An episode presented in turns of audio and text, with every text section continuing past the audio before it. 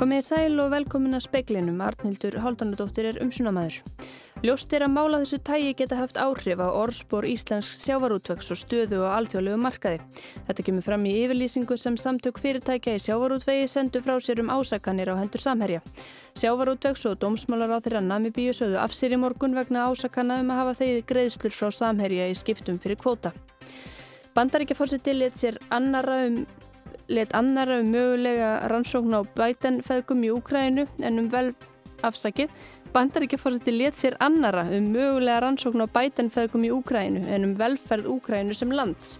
Þetta kom fram í yfirheyrslum rannsóknarnemdar bandaríkjathings sem fóru fram fyrir opnum tjöldum í dag. Stendur að því að flugumilli Breitlands og Akureyrar hefjist á nýnasta vetur afar mikilvægt er talið að fylla í það skarð sem breska félagið Superbreak skildi eftir sig. Umfjöldun kveiks og stundarinnar um viðskiptahætti samherja í Namibíu hefur vakið hörð viðbröð. Máli var ætti á alþingi í dag. Sumum var misbúðið, aðrir söðust daprir.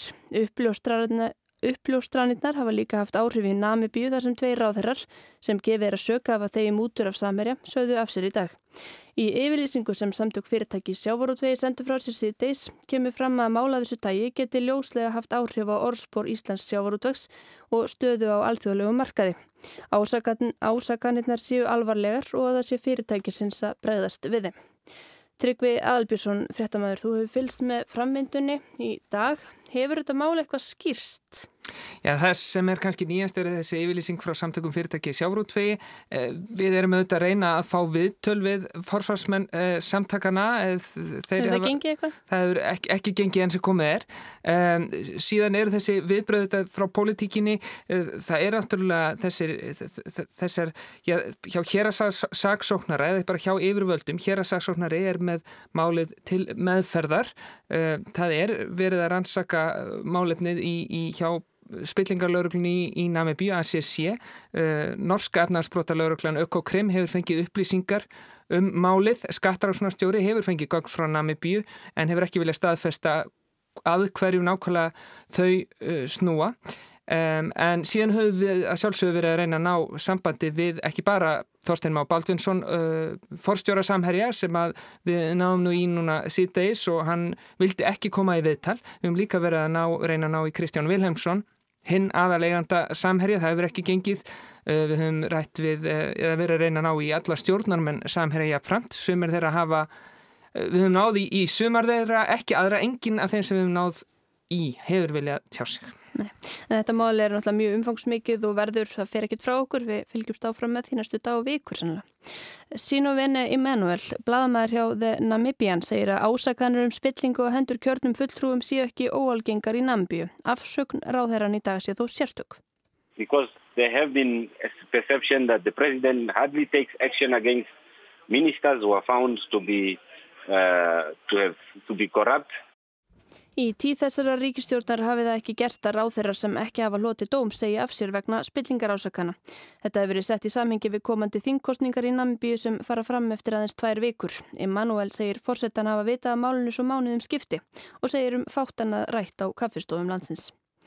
Bernard S.A. sem í dag saði af sér ennbætti sjávarútusráður að Namibíu segist ekki vera spiltur. Ásakanir á hendur honum á undanförnu síðu til þess að sverta nafn hans og Svapo stjórnarflokks landsins. Það kemur fram í yfirlýsingu sem hann sendi namibískum fjölmiðlum eftir afsöknina. Sigurður Ingi Jóhansson, samgöngu og sveitarstjórnar á þeirra og formaður framsóknarflokksins segist fyrst og fremst vera dapur vegna samherjamálsins. Rannsaka verði málið til lítar. Ég held að ég sé ekkit frábriðið mörgum öðrum íslendingum að líta svolítið á Samherja sem flagskip Íslands sjáuröldus, ekki síst erlendis með starfsemi í nokkrum heimsálfum og mörgum löndum og eins og þetta byrtist í þættunum þá var það deburð. Hver finnst þér staða sjáuröldus ráður að vera í, í tengslum við þessa umfyllun og, og, og tengslans við Samherja? Já eins og hann hefur náttúrulega útskýrt og við þekkjum að þá hefur hann ekki komið þarna að málum í tvo ára og tíu og tengist þar alveg ekki þessari starfsemi eða tíðanbílu á nokkur nátt. Hvað á ríkistjórnuna að gera núna?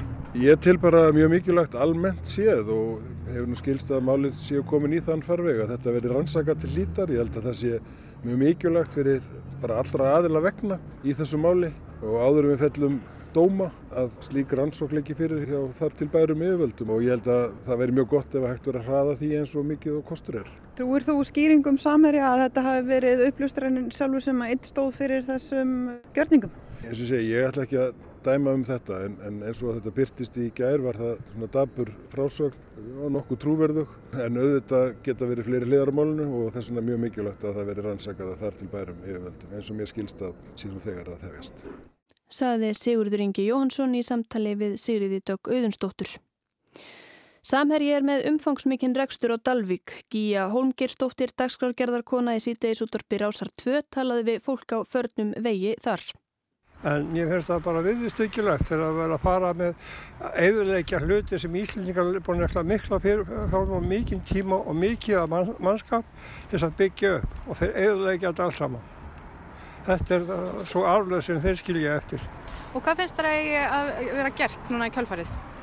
Bara algjörlega ofan í sauman á þessu og hvernig fyrirtækin íslensku haga sér erlendir. Þetta er bara sorglegt ef þetta er satt. Ég hef ekkert annað það að segja. Mér er mjög, mjög brugðið við þetta mál. Ég átti ekki vonað þessu. Mér finnst það bara hræðilegt. Og ég bara hef miklar áhyggjur að þessu því að nú er samherji hér að byggja nýtt frist í hús. Hvað finnst þér um þessa umræðu? Gjóðsamlega ósönnuð. Þetta verður náttúrulega verða sannsverið dómi aður en eitthvað meira, meira er gert. Ítalega verður fjallað um samherjamálið síðar í speiklinum. Bandaríkjaforsiti let sér meira andum mögulega rannsókn á bætenfæðgum í Úkrænu en um velferð Úkrænu sem land. Þetta kom fram í yfirheyrslum rannsóknanemndar bandaríkjathings sem fóru fram fyrir opnum tjöldum í dag. Þrjú vitni komu fyrir nefndin í dag vegna rannsóknar á myndum ennbættisklöpum Donald Trumps þegar hann í símtali bað Volodymyr Zelenski fórsetta úkrænsku Úkrænu að gera sér greiða og stuðla því að rannsókn yrði hafin á Joe Biden mögulegum fórsetta frambjóðanda demokrata og sinni hans Hunter Biden. Sá síðar nefndi satt í stjórn gasfyrirtækis í Úkrænu. Trump ætlaði að draga, það, draga það að veita hernaðar aðstóð og fresta fyrirhjóðum fundi ef fórsetin yrði ekki við beðni hans. Eitt þeirra sem kom fyrir rannsóknarnemdina í dag var Bill Taylor, sendi herra bandaríkjana í Úkrænu. Hann fór yfir það nær dag fyrir dag hvernig það varðunum ljóst að hernaðar aðstóðin væri skilirt. And I think you said that after the call, when your staff asked Ambassador Sondland what President Trump thought of Ukraine, His response was that President Trump cares more about the investigations of Biden. Is that right? And Burisma, yes, sir. Um, and I, I take it the import of that is he cares more about that than he does about Ukraine. Yes, sir. Í framburði og svörum hans kom fram að sendi er að bandarækjana gagvart Evrópusambandinu hafi sagt að Trump sé meira andum rannsóknina en velferð Úkrænu landsin sem bandarækin hafi stutt diggilega. Nú er henni að því að koma aftur á flugi millir Breitlands og Akureyrar sem lagði stafi í kjölfar gjaldtróts breska félagsins Superbreak. Veturinn er viðkvamasti tímin í ferðarþjónustu fyrir norðan og því talið afar mikilvægt að þetta flug hefjist á ný. Ef Súpebrek hefði flóið millir Breitlands og Akureyri í vetur hefði það verið þriðja veturinn í röð.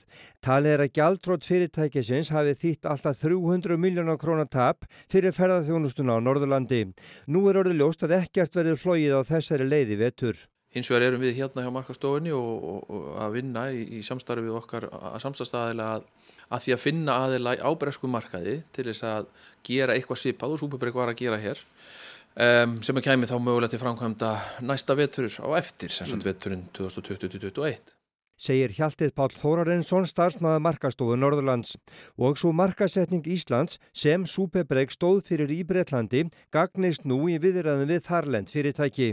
Og er öruglega auðveldara núna fyrir fyrirtæki sem fara á staða núna að koma inn og, og gera eitthvað svipað af því að það er, það er búið að vinna þar ákveðna grunnvinnu. Hollenskt fyrirtæki mun halda upp með leiðuflugi til Akureyrar eftir áramót en Hjalti sér afar mikilvægt að koma aftur á flugi frá Breitlandi og flug frá hverjum nýjum áfangastað hafi mikið að segja, sérstaklega yfir veturinn. Það eru þarna fyrirtæki sem hafa áhuga en það er svona náttúrulega of, enn of snemt að segja um, um, um árangur í því en auðvitað, við bindum vonir við það að, að þarna náum við aftur góðri tengingu við breskamarkaðin.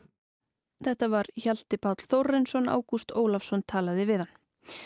Fundi í stjórn Ríkisútvarsins laug nú rétt fyrir fréttir. Þar var gengið frá starfslokum Magnúsar Geir Stórðarssonar útvarstjóra sem ráðin hefur verið í stöðu þjóðleikúrstjóra. Í tilkynningu frá stjórninni kemur fram að Magnús Geir láti af störfum núna á förstudag.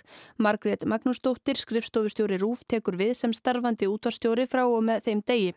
Þá mun Magnús Geir Þórðarsson verða stjórnendum og stjórn Ríkisútvarsins innan handar eftir því sem þurfa þykir. Verður til annars desember.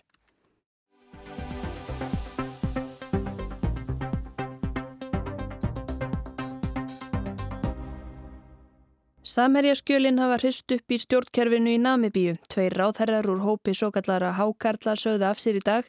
Það verður kosið í landinu í lókun óvember og óljóst hvaða áhrif hræringar dagsins hafa á svapóflokkin sem leti sjálfstæðisbaráttu landsins og nýtur mikill að vinsælda og trausts. Tengst Íslands og Namibíun á langt aftur. Speilin hefur í dag rætt við Íslandinga sem störfuðu fyrir þróunasamvinnustofnun Íslands á tíunda áratug síðustu aldar og fyrsta áratug þessarar. Sjöfn Vilhelmsdóttir, forstuðumadur stopnunar stjórnsýslufræða og stjórnmála hjá Háskóla Íslands, bjó í Namibíu í fjögur ár frá 1999 til 2003 og hefur haldið tengslum við landið, fórðangað í námsleifi fyrir tveimur árum og dvaldi þá í fjóra mánuði. Sjöfn segir tengsl Íslands við landið sterk. Íslingar voru í því að byggja upp hafránsvagnir Íslingar voru í því að byggja upp hérna, fiskveði eftirlit þeir voru sjómanaskólan það er búið að vera sérfræðingar frá Íslandi inn í sjáriðsráðuniti í Nábi var til fjölda ára. Það er alls konar persónuleg tengsl svo ég er gott dæmi það ég er vini og kallar þetta sundum mitt annað heimili það er fylgt á Nábi búin sem búa hér. Ég held að og við um all, fólk er alveg samanlund að þetta hafa hefnast vel þessi hérna trónarsamvinna og við vorum vel liðin. En hver eru viðbröð sjafnar við einslægi kveiks í gær? Uh, þetta komir sjálf sér ekki á óvart því miður. Og, og það hefur ekkert sjálf sér með einstaklingarna sem voru þarna fyrirtækin per se. Svona eru segja, viðskipta hættir til að komast yfir auðlindir ekki bara í náðanbíu heldur bara þetta kannski lýsandi fyrir alla alvegna því miður því miður. Og spillingi lýsir sér þannig að það eru einstaklingar í valda miklum stöðum sem fara inn í viðskiptin sem hefði átt að vera millið þá fyrirtækisins frá Íslandi og nambíska ríkisins eða eitthvað skilur ganga inn í þessi viðskipti, taka eitthvað til sín sjálf, láta hlutin að gerast. Og, og aftur þetta er ekki bundi við nambíu og þetta er ekki bundi til að við þetta einn tilfelli sem, eða, sem við erum að ræða hér. Og þú nefndir þarna Spánverja, þeir hafi árum og áratugum saman í raun verið að riksu upp, upp öðlindirnar og, og hérna já, ekki, ekki króna að skila sér já, að, já, það, veist, þannig var talað. Nú verður tekið fram, ég hef með engin gögn eitthvað, en spænskar útgerðir eru mjög stórar í, í námbi og þarna er mitt auðar og, og það er náttúrulega alls konar svona samvinna. Og ég er ekki með einskilur, hvernig er þetta formlega samvinna? Og eins og kom fram í þættinu stundu þurfa nambískir aðeila eiga í fyrirtækinu og hvernig það er útlust eða svona þess að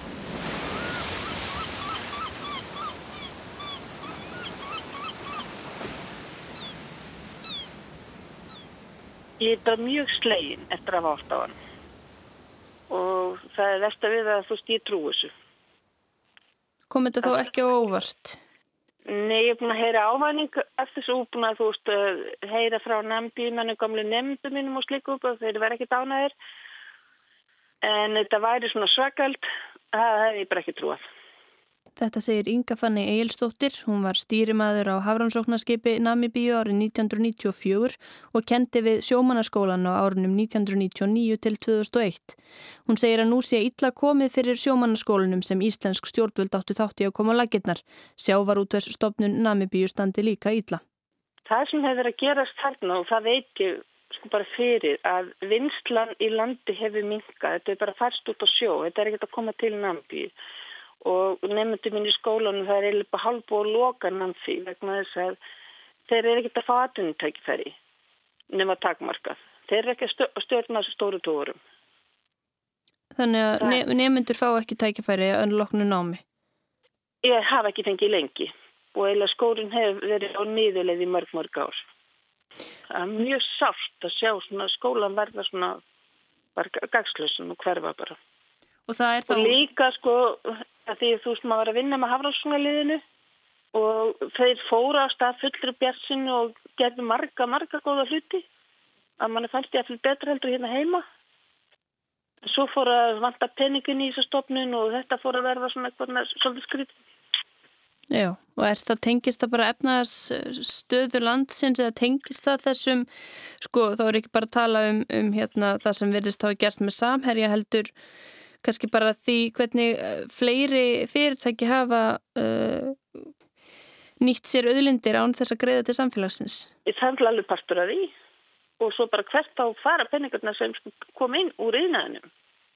Og með að við tekjum þessu sjávarútununa í nambi sem við gefið þá ætti allir í volvinsbreið geta bara átt sín fínustu hús.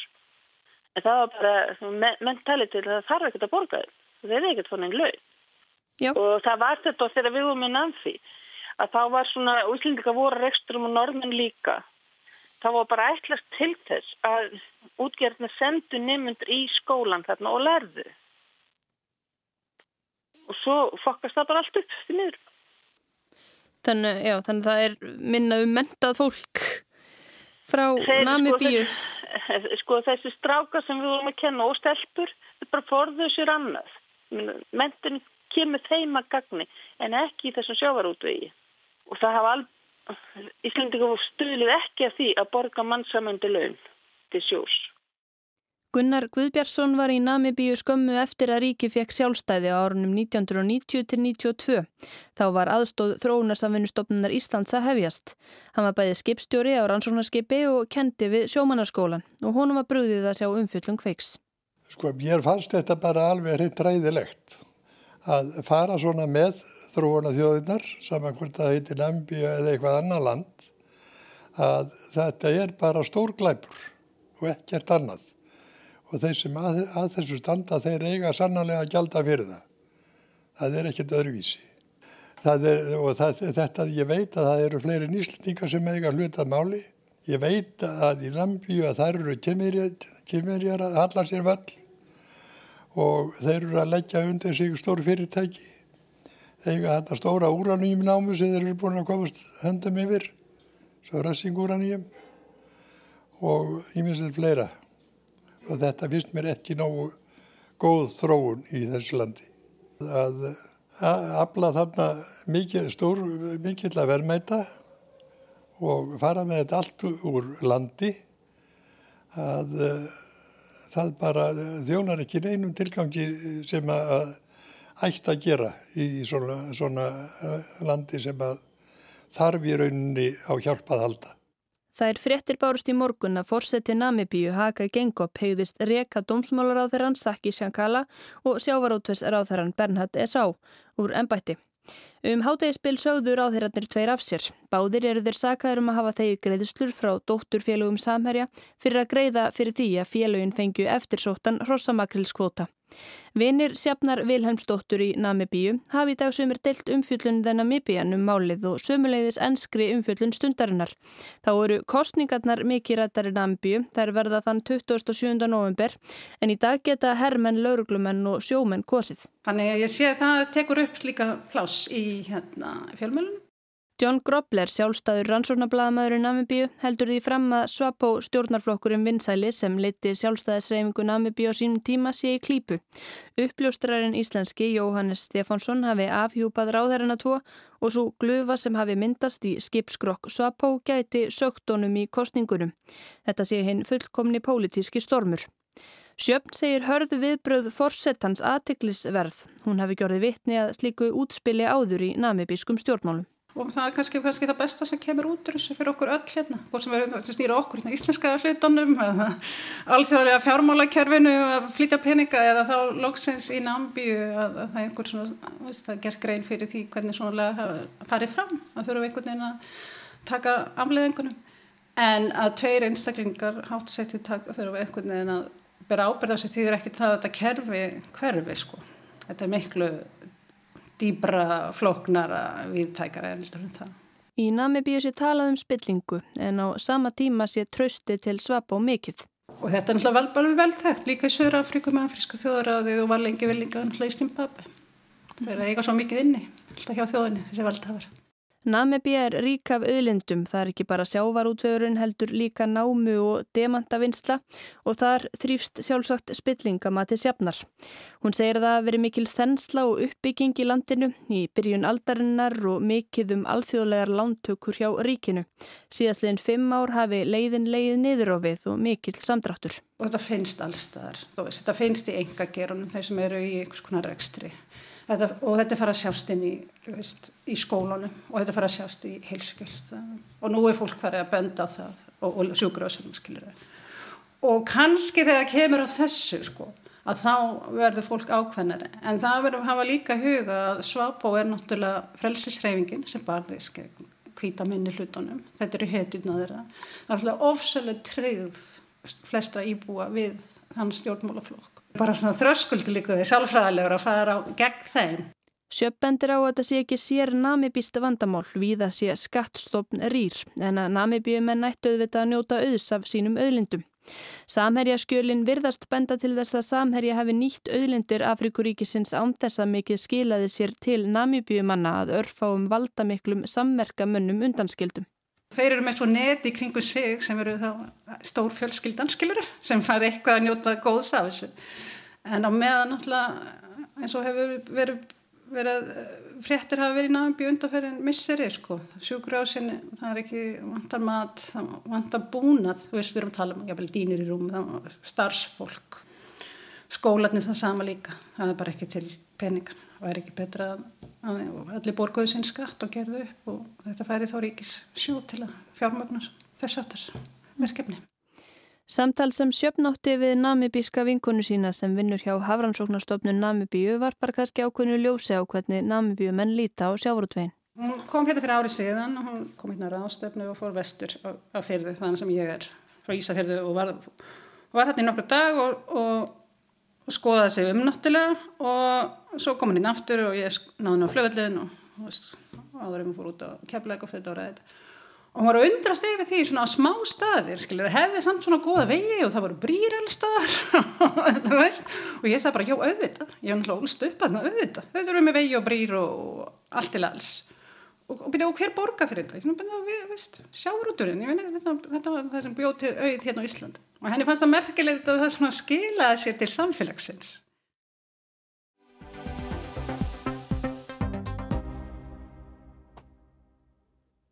Katrín Jakobsdóttir fórsættisráð þeirra segir að henni hafi verið brúðið þegar hún sá umfjöllun kveiksum samherja í Namibíu ef málavextir reynist réttir sem máli til skammar fyrir samherja. Sigurður Ingi Jóhansson, samgöngur á þeirra, segir að það hafi verið dapurlegt að horfa á þáttinn. Sigurður Dög Auðunstóttir fréttamaður talaði við ráðherran í dag og spurði um viðbröðira. Já, ég vil nú fyrst segja það að ég var mjög slegin og mér var mjög brúði við að horfa á þau gögg sem voru byrt í fréttaskýringaþættunum kveiki gerðkvöldi og það er alveg ljóst að ef þessir málavextir reynast réttir eins og þeir voru byrtir þarna þá er þetta máluð þetta allt uh, hið versta og til skammar fyrir samherja. Og mikið áhyggju efni fyrir íslenskan sjáarútveg og íslenskt atvinnulíf almennt. Það hefur ekki bara verið svolítið deburð, dabur að sjá eins og þetta byrtist í þættinum Um, held að ég sé ekkert frábriðið mörgum öðrum íslendingum að líta svolítið á Sæmerja sem flagskip Íslands sjáuröldus, ekki síst erlendis með starfsemi í nokkrum heimsálfum og mörgum löndum og eins og þetta byrtist í þættunum þá, já, þá var það deburð. Það kom fram í kveiki gera að Kristján Þór Júliusson sjáuröldusráður að satt fund með ráþöra frá Namibíu á skrifstofu Samherja fyrir fimm árum. Kristján Þór saði hátíðsvettum að hann hefði ekkert að fjela Hann hefði verið þarna í öðrum erindagjörðum og heitt er á þeirran fyrir tilviljun. Þeir hefðu verið kynntir og rætt um daginn og veginn. Kristján Þór var á sínum tíma stjórnarformaður Samherja og bæjastjór á Akureyri þar sem höfustöða Samherja eru. Samgöngur á þeirra og forsætist á þeirra voru spurður í dag um stöðu sjárótis á þeirra. Já, það hefur ekkert komið fram í þessum gögnum sem bendir til þess að á þeirra hafi haft neina vitnisku um þessi mál. Þannig að það er ekkert þar sem bendir til þess og það er ekkert í frásögninni sem bendir til þess að, uh, að hann hafi haft neina vitnesku. Það kemur fram hjá uppljóstraranum að hann satt ekki þennan fund þar sem þessi mál voru rætt. Þannig að ég held að það sé nokkuð ljóst. Hefur þið rætt þetta mál við Kristján Þór? Já. Við rættum þetta mál uh, í gerðskvöldi. Já eins og hann hefur náttúrulega útskýrt og við þekkjum að þá hefur hann ekki komið þarna að málum í tvo ára og tíu og tengist þar alveg ekki þessu, þessari starfsemi eða tíðanbílu á nokkur nátt. Finnst þér alveg eðilegt að hann sé á fundi með þessum mannum? Þetta getur menn verið búið að einhvern fund að hans að vita í hvaða tilgangi það er en ég ætla ekki að, ætla ekki að hérna, dæma nokkuð um það. Samherjamáli verður rætt á næsta ríkistjórnafundi báðir ráþeirarnir eða ekki áherslu á að máli veri rannsakað ofan í kjölinn. Og það þarf að lifta hverjum steini þar. Þannig að málið er auðvitað þegar komið til meðferðar hér að saksóknara. Sömulegis hefur skattrannsóknastjóri fengið senda afmörku gögg sem uh, tengjast þessu máli. Það líkur líka fyrir að ég tel að yfirvöld hér á landi, að viðingandi yfirvöld munu þurfa að eigi samstarfi við yfirvöld í öðrum löndum um framhald þessa máls. En fyrst og fremst er það sem við blasir núna er auðvitað að kanna og rannsaka þetta mál honi kjölinn. Er ykkur ástæði til ætlast til þess að þetta fyrirtæki sé stundu önnur vinnubröð annar staðar inn á ambjum? Við gerum þetta þá kröfu uh, til íslenskra fyrirtækja að þau fyrirtæki fylgji bæði íslensku lögum og lögum í þeim löndum þar sem þau starfa. En hins vegar verði ég að segja það að eins og þetta mál blasti við í gær þá fannst mér það minna á óþægilega uh, gammaldags nýlenduherra sem er að nýta sér veikleika í stjórnkerfi við komandi lands.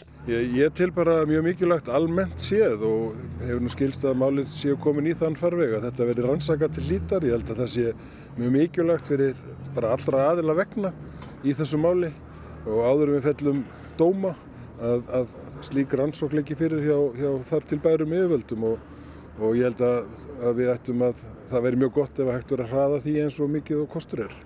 Trúir þú skýringum samherja að þetta hafi verið uppljóstrænin sjálfur sem að eitt stóð fyrir þessum uh, gjörningum?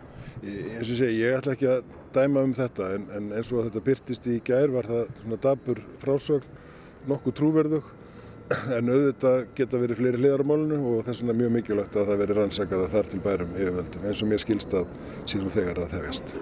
Þrónaraðstóð Íslands í Namibíu hófst árið 1990 og laugu 2010.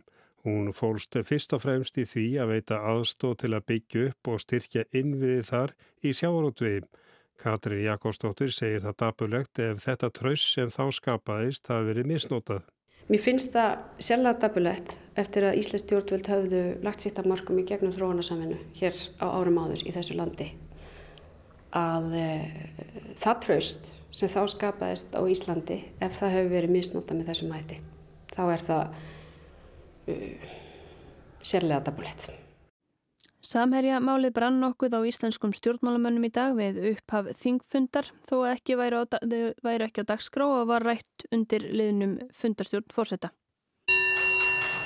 Fundur er settur á alþingi, Rótningi Herðardóttir. Mútur, skattaskjól, peningaþvætti, spilling, græðki og áhrif og unditök auðmanna á land og þjóð. Haldur á Móse. Það er orðið nokkuð ljóst að þessi mýta um saklausa, spillingalausa litla Ísland er dauð og við þurfum að ræða þessi mál af miklum alvara hér á morgun. Hanna Katrín Frýrisson. Þetta er stór alvarlegt mál sem að fjalla hefur verið um í fjölmjölum síðastliðin sólarhing. Guðmundur Ingi Kristjánsson. En það sem slæmir mest er það að það er akkurat ár, ár síðan að var hérna, við komumst í hinsveitinar, út á drikkilátum hér á bar, 100 metrum í fjallan. Og hverju var kent um það? Hverju var kent um það að þetta var fórslega? Jú, uppljóstrarum. Og hvað erum við að upplifa nú í dag? Spillingu sem er bara lást út fyrir það sem maður getur ímyndað sér. Og hverjum er kent um? Uppljóstrarum. Kristján Þór Júliusson. er bara heiður sindur með því tækifæri til að taka þátt í þeirri umræðu um þetta sorglega og suttalega mál. Lilja Rafnir Magnúsdóttir. Ég held að þingumur allir sé flemtri slegin yfir þeirri mynd sem var dregin upp af íslensku fyrirtæki í Afríku og hvernig það hagaði sér og vonandi landsmenn allir sem ég veist ekki um. Fórseti vill fagna því að hæstv. sjávarútvegs- og landbúnaðarráðherra hefur þegar orðið við þeirri beiðni sem hér var fram sett í byrjun af hv. þingmanni Oddnýju G. Harðardóttur, formanni þingflokks Samfylkingar. Og sömuleiðis vill forseti þá upplýsa að hann hefur verið í samskiptum í morgun út af þeirri beiðni að hér geti farið fram sérstök umræða um þessi mál á morgun og vonandi tekst að koma því þannig fyrir. Þarna heyrði síðast í Stengri Míu Sigfúsinni og má vænta þess að sérstök umræða verða á þingju um málið á morgun. Speklinum í kvöld var ránt farið með nafn Guðbjörns Gunnarssonar, það leirittist hér með. Það er ekki fleira í speklinum í kvöld, tæknimaður var Rappkjell Sigursson, verið sæl.